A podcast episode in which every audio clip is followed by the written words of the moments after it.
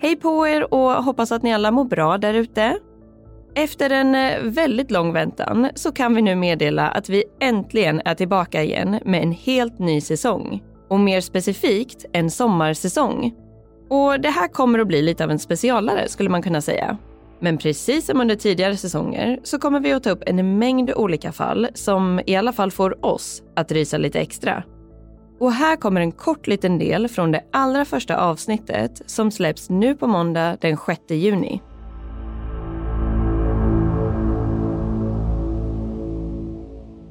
I mars månad lämnade han in ett av sina gevär för reparation och underhåll och i april månad så köpte han rengöringsmaterial för några andra av sina vapen.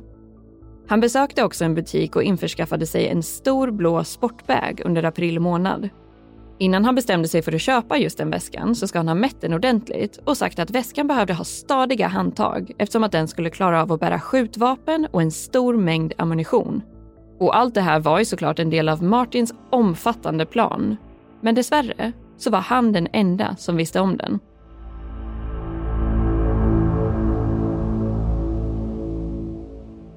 Det här och mycket mer kommer vi att gå in på under den kommande säsongen som alltså släpps nu på måndag den 6 juni. Så se till att prenumerera på podden i din favoritapp så du inte missar när avsnitten släpps. Och vi hoppas verkligen att ni vill följa med oss in i nästa säsong och ta del av lite nya avsnitt nu under sommaren.